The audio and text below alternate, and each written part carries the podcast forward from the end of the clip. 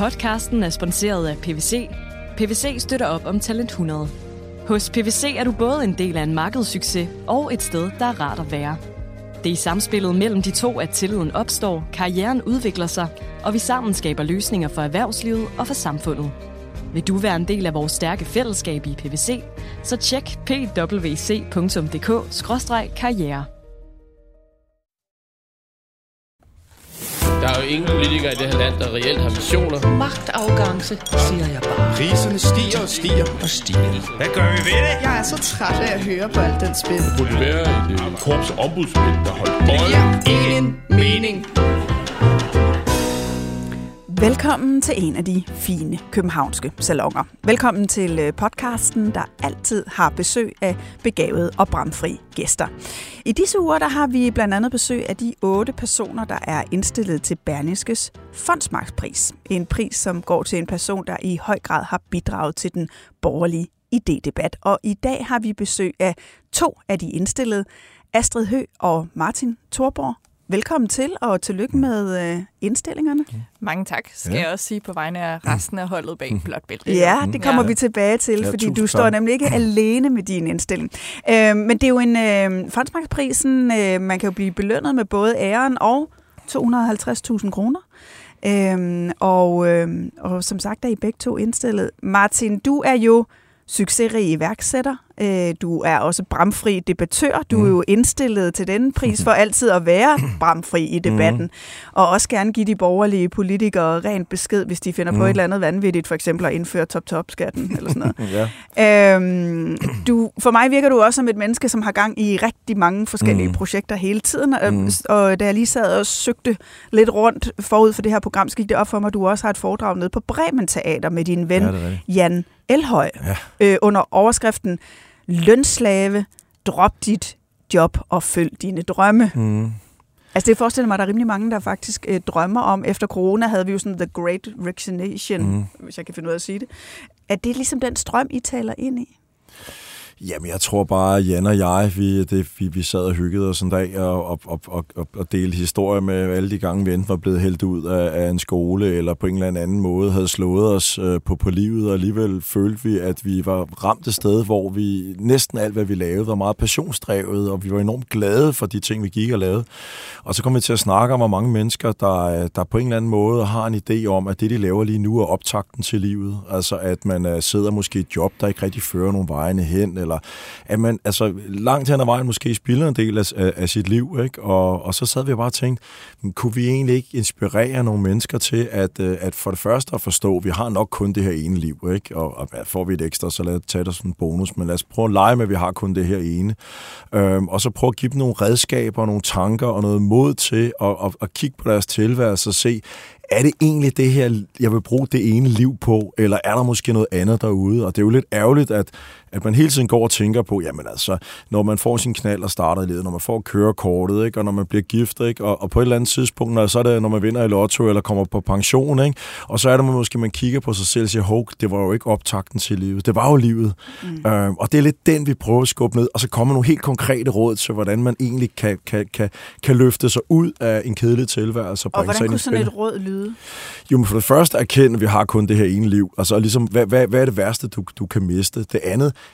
hvis liv lever du? Er det dit eget, eller er det forventninger fra forældre eller venner, eller noget, du mener samfundet? Man skal også være pæn eller ordentlig. Eller, altså, så prøv ligesom at, at gøre det, og, og så er det næste måske at sige, man behøver jo ikke at sige sit job op. Man kan jo begynde at lave noget andet i sin fritid, og begynde at skubbe sig i en eller anden retning.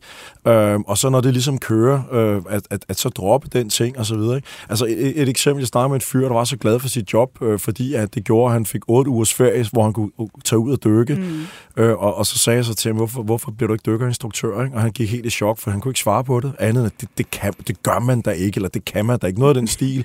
Hvor jeg siger, hvem er man? Ikke? Og så vil jeg sige, du, så har du byttet 44 dårlige uger væk for, for, altså, eller for, for, for 8 gode.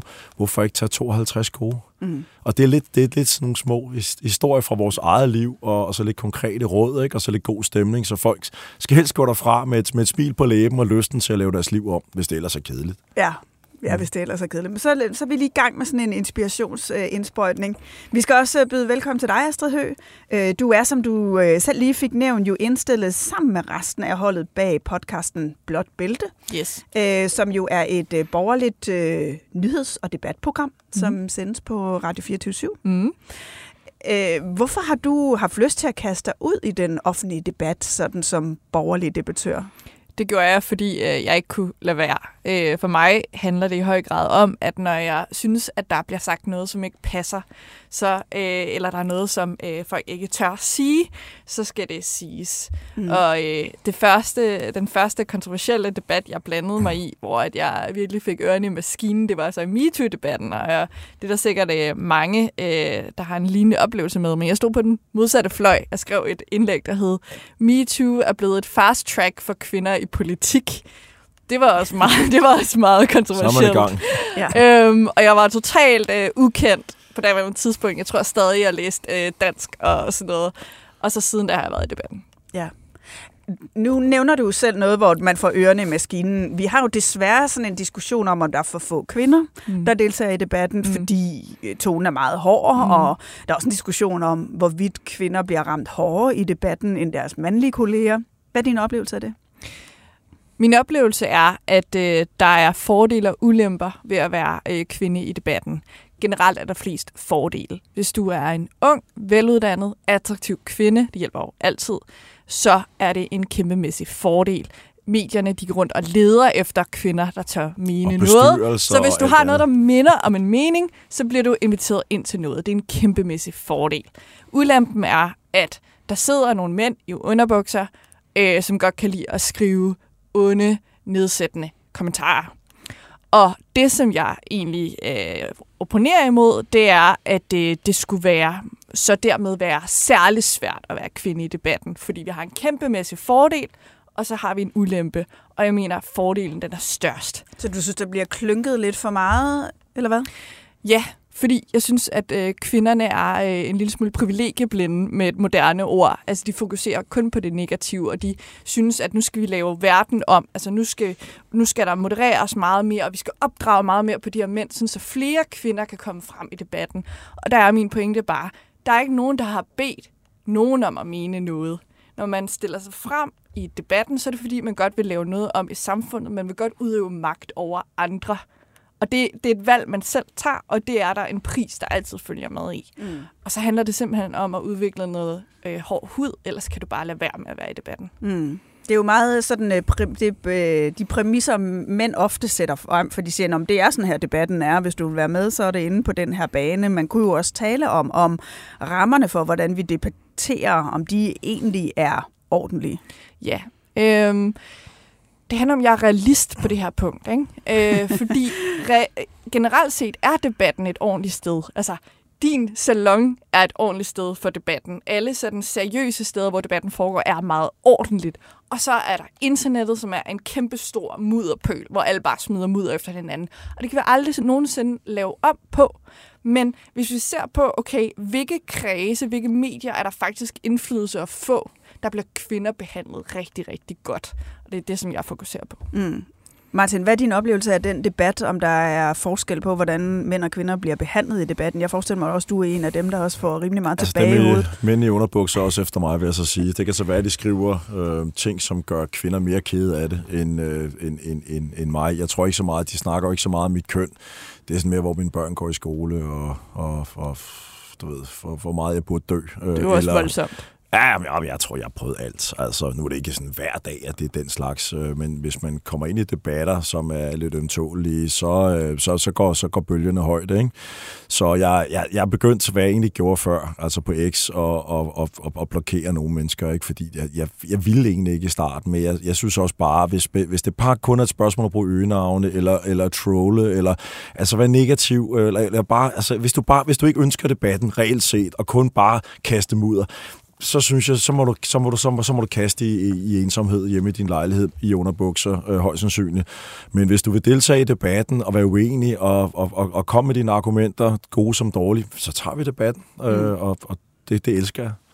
Altså, du har jo selv lige øh, været i vælten endnu en gang. Du skrev et øh, debatindlæg i Berlingske om, at for mange lidt for lidt slår hånden af deres øh, forældre. Mm. Øhm, og øh, faktisk er der undersøgelser, der viser, at øh, op omkring hver fjerde voksne dansker ikke ser eller har kontakt til øh, deres forældre.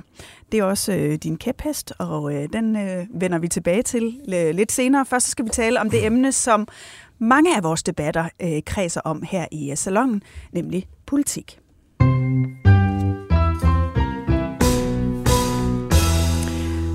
Martin, du gad godt, vi talte mere om politisk substans. Mm. Din kæphest er, mm. at øh, politikerne går alt for meget op i kortsigtet, personlig profilering, mm.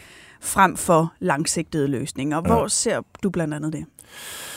Jo, men altså, jeg synes, jeg ser det næsten hver dag, altså, hvor, øh, altså, man ved jo bare, altså, kommer der en eller anden sag op, øh, som har en eller anden form for bevågenhed, så kaster øh, politikerne sig over det, altså, og det skal gå så stærkt ofte, at man ikke engang når rigtigt at sætte sig ind i det, altså, jeg, jeg eksemplificerede ved Nordic Waste-skandalen, øh, hvor at, at, at man havde det her jordskred, famøse jordskred, og jeg tror nærmest ikke, jeg tror nærmest ikke, jorden havde sat sig i bevægelse før, for eksempel Pelle Dragsted stod i en eller anden refleksvest sammen med en eller anden gut, sikkert for fagbevægelsen eller andet, øh, og himlede op om, hvordan milliardærer burde opføre sig og ikke opføre sig osv. Og det var altså på et tidspunkt, hvor der er ingen, der anede noget som helst, og det kom jo frem hurtigt efter, at, øh, at den såkaldte milliardær, som jeg ikke kan huske, hvad hedder, havde købt forretningen halvandet år før. Han sad ikke i bestyrelsen, han sad ikke i ledelsen osv. osv.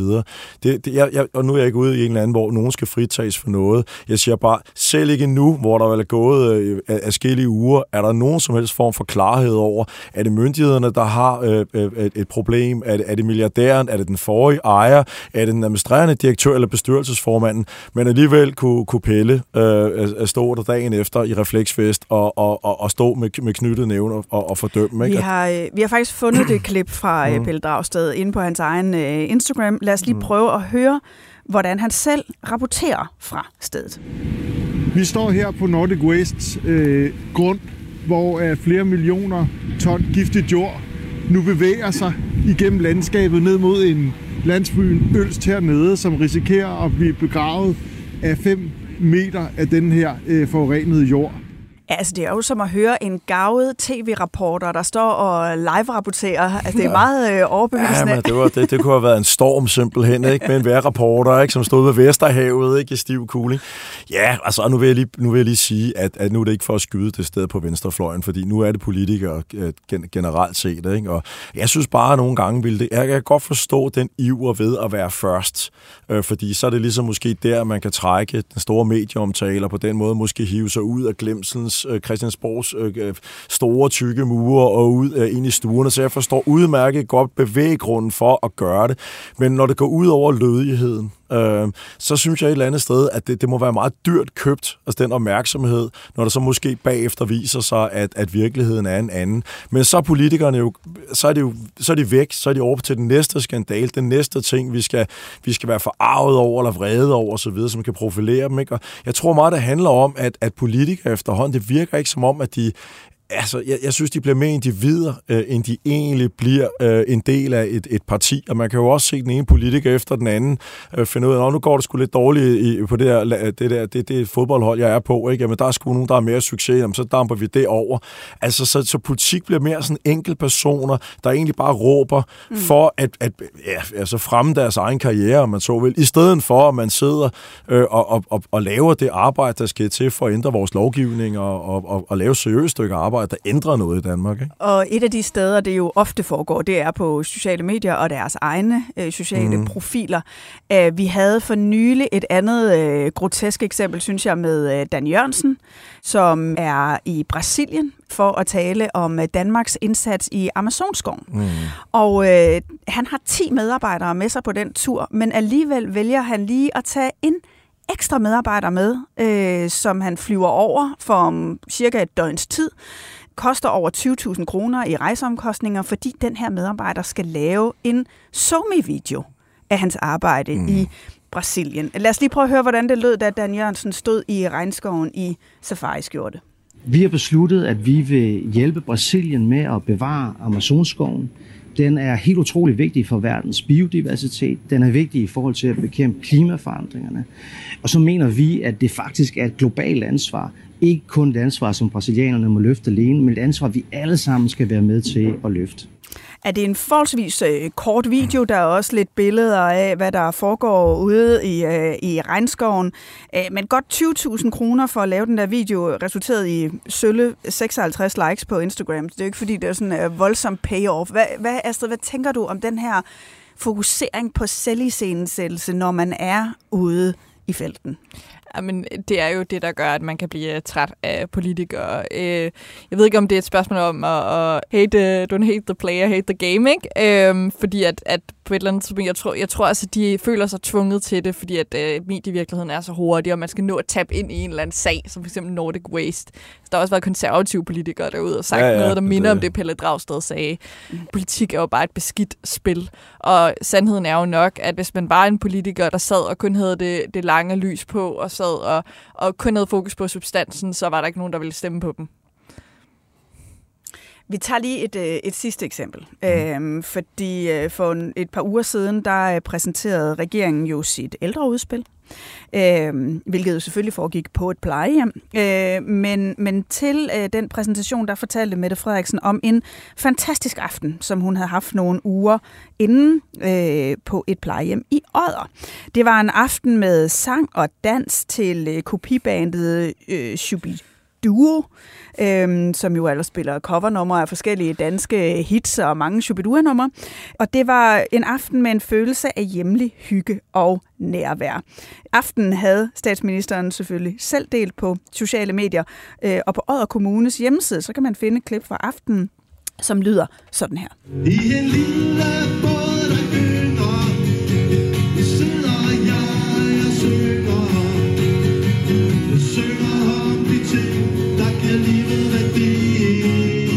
at det, man skal forestille sig hen over den her musik, det er jo nogle ældre, der danser, der har det godt. Der er en ældre, der kommer og byder, byder Mette Frederiksen op til øh, dans, og det er øh, en rigtig dejlig aften. Øh, og det var det sikkert også, men det var altså ikke et eksempel på et plejehjem, som af sig selv holder en god festlig aften for sine beboere. Fordi sidenhen er det øh, kommet frem, at det var Socialdemokratiet, som havde booket bandet, som havde betalt for bandet, og jo tydeligvis for at skabe den her photo opportunity, hvor Mette Frederiksen er ude og danse med øh, de ældre.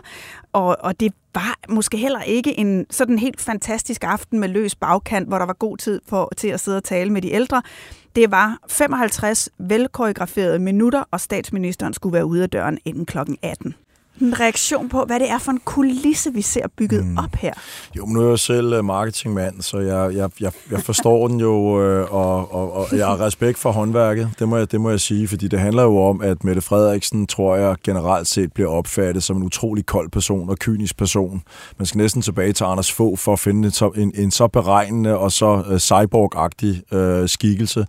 Uh, og det, det, det behøver man ikke være særlig dygtig for at kunne se, ikke? Og, og, og så sidder man der i marketingafdelingen og tænker, hvordan bløder vi det image op? Ikke? Og så er der noget med at rende rundt med en, en, en, en, en, nogle kager, man har bagt, eller man sidder bare, jeg er helt normalt og spiser makrel med, eller jeg går selvfølgelig også til dans på plejehjemmet, øh, for at bløde den der meget, meget hårde, kontante, kolde øh, øh profil op.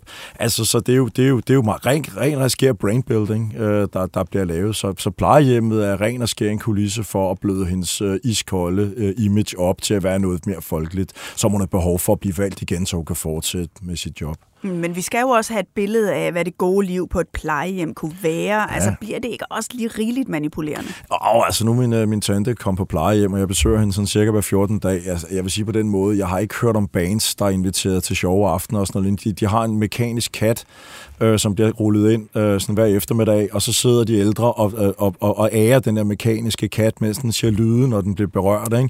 Jeg tror, det så vil være, være lidt op på de høje navler på plejehjemmet, hvad der foregår. Det, jeg tror ikke, der er meget kopiband og, og, og festerdans. Det, det tror jeg er sådan lidt utopisk at tro, der er råd til. Altså, du var jo lidt inde på det. Hvis man ikke byder ind på den her dagsorden, så er mm. risikoen for, at man ikke øh, bliver genvalgt. Øhm, og øh, det er jo også øh, billeder af politikere på arbejde. Altså, når vi ser Pelle Dragsted i gul vest, og mm. øhm, Dan Jørgensen i, i safariskjorte, og Mette Frederiksen på plejehjem. Men det er jo også politikere, som kommunikerer meget på deres egne sociale medier til mm. lidt deres egne fans. Ja, det er det jo. Øh, Jeg, jeg synes, øh, jeg kan godt forstå, at man er nødt til at sådan, tabe ind i dagsordenen, som jeg sagde før, ikke? Øh, for, for eksempel med Nordic Waste. Men det, som går mig så meget imod med det her eksempel med plejehjemmet, det er jo, at det er så iscenesat. Hvorfor kan Mette Frederiksen ikke vise sin bløde side, hvis hun vil det, og, og faktisk bare besøge et plejehjem, som det skulle have foregået øh, den øh, dag? Altså, hvorfor skal der sættes hele det her kæmpe store udstyrstykke op? Også fordi, at der er jo sådan et eller andet, altså det er jo næsten som om dronningen kommer på besøg eller sådan noget. Det er jo bare overdrevet. Dan Jørgensen eksempel, ikke? det var også bare ud over alle grænser. Altså der, hvor de begynder at stride, det er jo, når de, når de mister sådan al, enhver idé om tilbageholdenhed, ikke? Mm. Også fordi sandheden, når det, når, hvis vi endelig skal tale plejehjem, det er jo, at det er meget, meget deprimerende steder. Ikke? Mm. Og øh, hvis man ikke tør eller kan vise den sandhed og, og være til stede i den sandhed, så synes jeg, øh, det stiller jeg mig kritisk overfor, fordi det er jo det, de skal som politikere. De skal forholde sig til den, den der deprimerende virkelighed. Mm. Der var en politiker øh, i denne uge, som sagde, at hun savnede at arbejde med politisk substans. Øh, det var de konservatives gruppeformand Maja Mercado, der jo gerne ville træde tilbage fra sin ledelsespost for at have mere tid til at lave øh, politik og også have mere tid til at være sammen med sin familie. Øhm, Astrid, nu interesserer du dig jo særligt for de borgerlige. Hvad tænkte du, da du så den her udmelding fra Mercado? Jeg, øh, jeg læste måske øh, ret hurtigt hen over hendes begrundelse. Altså det, det, det tager jeg ikke så øh, dybt seriøst, hvad hun lige kommer med der. Jeg tænker selvfølgelig sådan øh, strategisk, analytisk, fordi at øh, det er sådan, man plejer at betragte gruppeformanden som sådan den naturlige øh, nummer to i, i rækkefølgen. Ikke? Øh, og hun har været Papes øh, højre hånd i øh, nogle år, øh, og så hun trækker sig jo fra den position. Så jeg, jeg lægger det i det, at jeg tror, hun har øh, lugtet, hvad hedder det, lugten i bageriet, at øh, der, er, der er nogen, der, der ønsker en anden, der skal følge efter Pape. Mm. Øh, de ønsker noget nyt. Mm. Og øh, måske tænker hun, at det er bedre at trække sig nu og lige sidde en omgang over, øh, før hun kommer tilbage på banen. Ja. ja, man kan jo godt forestille sig, at hun har tænkt, at jeg hopper lige øh, af toget, inden det crasher lige direkte ind i øh, klippen, øh, så det på en eller anden måde også er vink med en vognstang om, at opbakningen til Pape svinder. Der er jo også den analyse, at øh, Mona Jul mm. øh, ser ud til at være næsten det bedste bud på at blive ny mm. gruppeformand. Øh, en kandidat, som man i hvert fald internt øh, taler meget om, kunne være en afløser for Pape, så der bliver gjort plads til hende. Hun kommer ind på et sted, hvor Mona Jul kan få netop mere profilering og måske også blive en større øh, hovedpine mm. for Pape i den situation, de er nu. Martin, det Astrid og jeg står og gør nu, ikke? hvor vi ligesom gør politik mm. til ikke et spørgsmål om substans, men mm. om, pol- altså om mm. politisk ja, ja. spil. Er det, er, er det det, du hader, når det nej, bliver reduceret til? Nej, nej, det synes jeg, altså det er jo, det er jo, egentlig, det er jo egentlig fair nok, at man, øh, at, altså i, i ligesom politisk parti eller en virksomhed, der er jo nogle magtkampe og lidt forskellige andet, og altså det, det, det er jo det samme, når, man, øh, når, når der er en eller anden administrerende direktør, der bliver fyret, så er det jo altid efter gensidigt et eller andet, ikke? og så, så, så, så, har han, så, så har han brug for mere tid til sin familie, eller sit helbred eller et eller andet andet, og det er jo lidt det samme her, ikke? At man, altså for at beskytte sin karriere, i stedet for måske at blive siddende på en post, indtil man bliver kylet ud eller, eller, eller andet, så er det jo bedre at gå øh, i god tid, og, og så bare, du ved, ja, familien er jo altid en god undskyldning, for det er sympatisk, ikke? Og alle kan forstå mm. det, og så videre, ikke? Og så er man ude, ikke? Før... Ja, Men spørgsmålet er, om det er hende, der er udsat, eller det i virkeligheden er Pape. Det er jo det, der bliver det interessante. Ja, det er jo, ikke, det er jo der ikke rigtig nogen af os, der ved højst sandsynligt, men altså, hun har jo nok, hun har nok fornemmet, at hun ikke øh, ville blive hængende, eller ikke havde lyst til at blive hængende, og så kunne man jo lige så godt gøre det i god tid i, på, på en måde, så man, øh, så man ikke taber for meget ansigt. Okay, vi øh, forlader dansk øh, politik øh, for nu. Øh, der er også ved at gå lidt øh, vinterferie i den over på øh, Christiansborg. Når de kommer tilbage fra ferie, så går vi og venter på det her udspil om CO2-kvoter mm. øh, i landbruget, som, øh, som skulle komme umiddelbart efter vinterferien. Noget, som bliver rigtig interessant at se, hvordan de øh, tager imod, i særligt i Venstre. Men øh, vi skal videre til din kæphest, Astrid. Mit navn er Anders Krab Johansen. Jeg er koncernchef på Berlingske Media og har skrevet bogen Fri os fra den værdiløse borgerlighed. Bogen er et wake-up call til alle os borgerlige, der er godt i gang med at tabe fortællingen om, hvad der udgør et godt samfund. Vi har overladt omsorgen til staten, velstand til vores politikere, familien til institutionerne, dannelsen til tilfældighederne, og forsømt at genopfinde og forny de værdier, som taler til menneskets hjerter. Fri os fra den værdiløse borgerlighed er i handlen nu.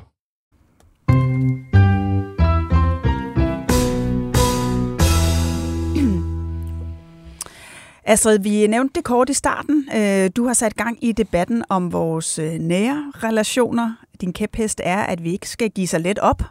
Og når børn slår hånden af deres forældre, så er det i virkeligheden et narcissistisk projekt. Ja. Hvorfor? så øh, det er meget polemisk skrevet. Øh, jeg vil godt uddybe. så øh, i øh, min generation, der er der rigtig mange, der har gået til psykolog. Og vi har alle sammen lært at, at bruge det her psykologsprog. Man skal beskytte sig selv, og man skal skære negative relationer ud af dit liv. Hvis du trækker dig ned, skal du skære det ud af dit liv. I sidste uge havde vi faktisk øh, besøg af forfatter Katrine Marie Gulager, som lige har Mhm. skrevet en roman, hvor hovedpersonen er en parterapeut, som hun skriver, taler flydende psykolog. Ej, hvor sjovt. Ej, hvor sjovt. Det er lidt det, du taler om her. Ja, det er, og det gør vi snart alle sammen. Øh, og, det, og det er det, jeg ser som sådan tidens narcissisme, den her selvkredsen, og den her, at, at det, den nye moral er, at hvis det føles rigtigt for dig, så er det også rigtigt. Og jeg havde bare lyst til at skabe noget balance. Og det, jeg særligt kunne se, det var, og jeg kan se det, altså det findes i min egen familie, det findes med, altså snart alle, jeg taler om, om det her med, at, at der er nogen, der bryder med deres forældre, fordi forholdet er øh, kompliceret. Det vil jeg godt øh, slå ned på. Fordi jeg synes, øh, jeg synes det er øh, en meget alvorlig ting, fordi det man jo gør, det er, at man, øh, man for det første, så, så, øh, så mister man muligheden for, at slægten kan hele. Altså lad os sige, at dine forældre har svigtet dig. Vi er jo næsten alle sammen blevet svigtet af vores forældre på en eller anden måde. Men øh, mange af dem kan faktisk godt gøre det godt igen med deres børnebørn. Og den mulighed mister man, altså at slægten kan hele. Øhm, og derudover, så, øh, så synes jeg også, at hvis argumentationen er, at man skal beskytte sig selv, som jo er det, vi har lært, er det rigtige at gøre i enhver situation, øh, så bliver det narcissistisk, hvis man ikke overvejer den øh, smerte, man forårsager.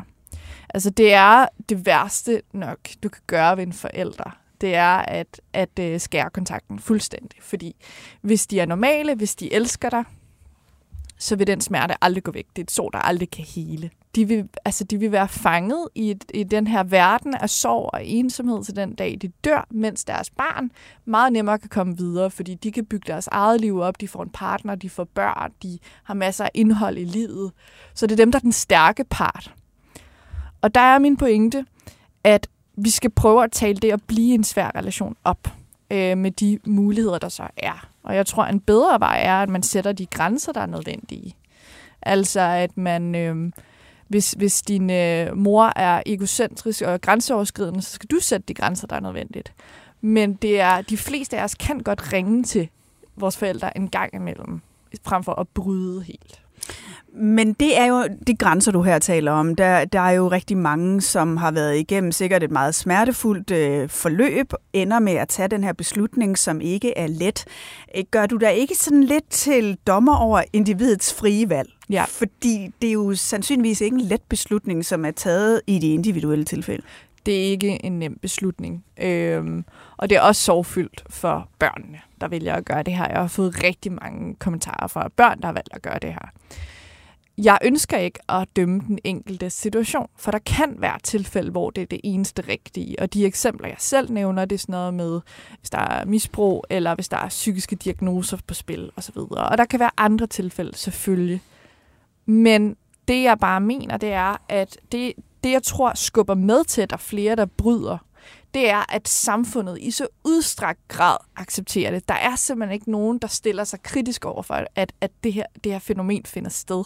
Meget, meget få i hvert fald. Øhm, og øh, så, så det eneste, jeg ønsker, det er, at, at vi ikke skal være ukritiske over for den her tendens, som jo altså spreder sig. Jeg mm. kalder det i mine kommentarer for et smitsomt fænomen, fordi jeg mener, det i sig selv, at noget bliver socialt acceptabelt, det får det til at sprede sig. Og hvis du står med valget og bevarer en lille smule kontakt i et meget i et konfliktfyldt forhold, og så skære kontakten, så er det at skære kontakten faktisk det nemme valg i mange tilfælde. Og det er bare derfor, jeg synes, at der er nogen, der skal tale det andet valg op. Martin, du har været på besøg her i salongen tidligere, Mm. og der kan jeg huske, at vi talte om dit forhold til din far, Mm. som også var en streng far. Det var måske Mm. et kompliceret forhold. Mm. Og har du overvejet på noget tidspunkt at, at bryde kontakten med ham? Nej, det tror, jeg, det, det tror jeg egentlig ikke, jeg har. Men jeg valgte på et tidspunkt øh, øh, at, at, at tage tyren ved hornene. Han blev syg.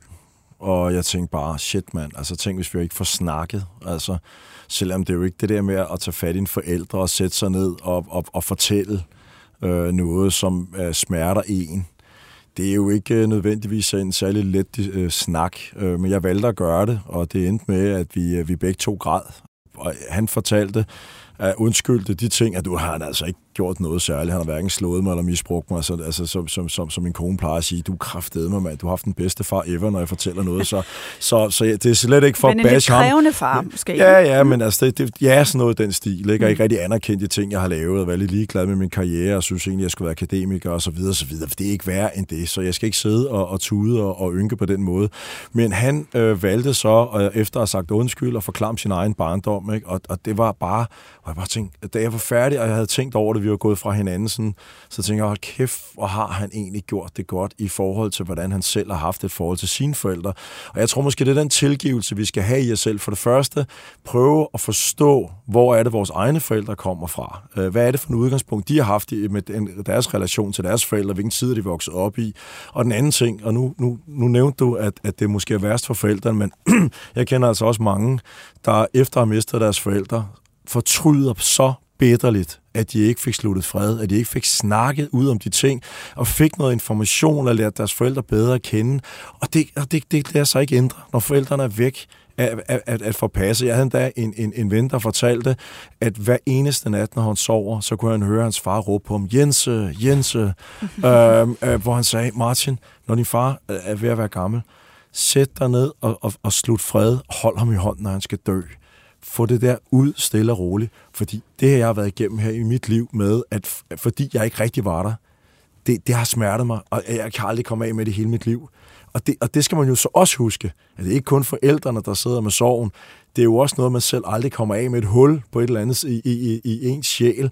Så, så jeg tror, mere tålmodighed, tage den svære samtale, og så have en forståelse for det udgangspunkt, som dine forældre har haft. Fordi man har som en, en sådan fornemmelse af ens forældre, sådan supermennesker, der mm. burde opføre sig sådan helt perfekt. Men virkeligheden er bare, at de er lige så fucked up som en selv, og måske endnu værre.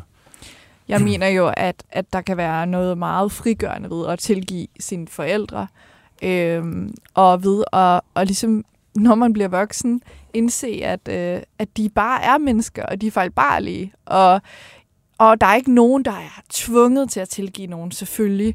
Men det kan, der kan være rigtig meget at vinde ved at gøre det. Blandt andet fordi, at man jo også forhåbentlig med tiden indser, at man selv er fejlbarlig, og man selv får brug for alt muligt tilgivelse. Ikke? Øhm, Men ja. vi lever også i en tid, hvor det handler meget om individets valg, og det handler også om, at man kan nærmest selv vælge sin familie, om det er sammenbragte familier, eller det er øh, venner, som man kalder sin familie. Hvorfor er det særlig vigtigt at holde fast i de her blodbånd? Hmm. Det er sådan, at det er det første og vigtigste forhold i ens liv. Det er det her bånd mellem forældre og barn. Øhm, og det er, det er grundlaget for den verden, vi bygger op. Og jeg tror, hvis vi bryder det bånd, så øh, siger vi til os selv, men vi siger også til vores børn, hvis vi har dem, at øh, der ikke er, altså at relationer er flygtige. Og det er sådan noget, der får folk til at beskytte sig selv. Hvis man lærer, at alle relationer er flygtige og går i stykker, så beskytter man sig selv, og det vil i sig selv føre til, at man bryder med flere. Hmm. Og så ender vi i et samfund, hvor vi alle sammen bare ender alene.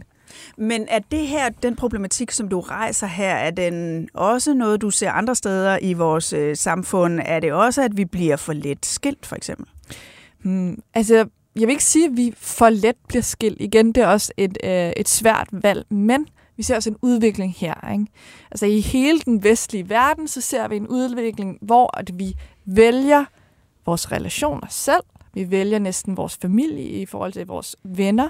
Så det bliver mere lystbetonet frem for pligtbetonet. Øhm, og jeg tror, at, at øhm, vi mister noget, hver gang vi øh, opgiver en relation til fordel for noget nyt. Det kan selvfølgelig for den enkelte være det rigtige valg, mm. men stadigvæk, når vi ser på samfundet, så tror jeg stadig, at vi har i gang med en bevægelse, som er går mod mere og mere individualisering, som vil gøre, at flere bare bliver ensomme. Martin, nu startede vi programmet her med, hvor, hvor vi jo i virkeligheden talte om den frigørelse, der ligger mm. i at tage sine egne valg. Man siger, du skal bare blive dykkerinstruktør, mm. hvis du vil det, og du skal mm. få det ud af dit liv, du vil. Mm. Det, vi taler om her, er jo højere grad sådan en forpligtelse. Mm. Hvordan hører du det, Astrid siger? Jo, men jeg synes, at de ting sagtens skal forenes. Altså, jeg, jeg, jeg, jeg, altså, jeg er fuldstændig enig. Altså, jeg, jeg mener også helt klart, at altså, man må have længere snor i forhold til sin, til sin familie.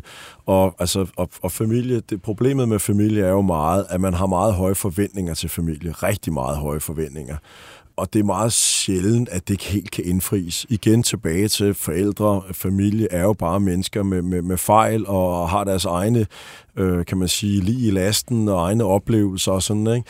Og det er lidt ligesom i forretning, ikke? hvor jeg også faktisk siger, prøv at la- det, det er virkelig farligt at begynde at lave forretning med en, en, en rigtig god ven, fordi at, at, at følelser, altså når venskab og familie bliver blandet ind i det, så er der enormt stærke forventninger og følelser forbundet med det. Så hvis man lige pludselig skal forbinde det med noget rationelt i en virksomhed, for eksempel nødt til at tage en hård beslutning, eller, eller familiemæssigt også, at man, man, nu flytter man hjemmefra, nu sker der det og det, så tager man det meget, meget, meget mere nært, end, end man vil gøre andre steder.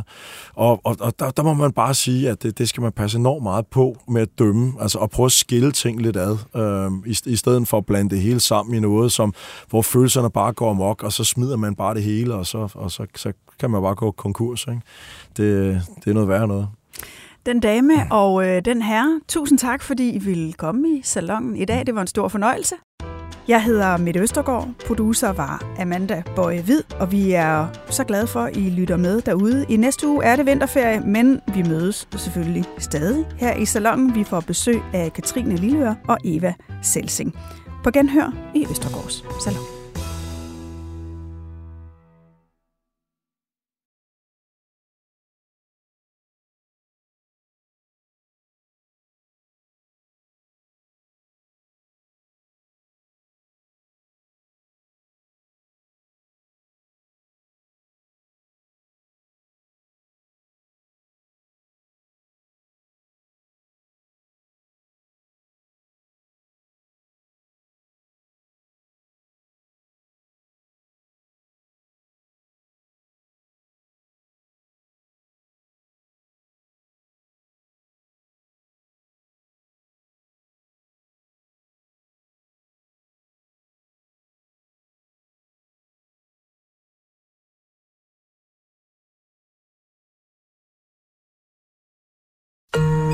Podcasten er sponsoreret af EGN. Bliv en del af en professionel netværksgruppe med folk, der forstår dig. De kan hjælpe og inspirere dig gennem dit arbejdsliv, så du hurtigere finder de gode løsninger. Find dit nye netværk på egn.dk.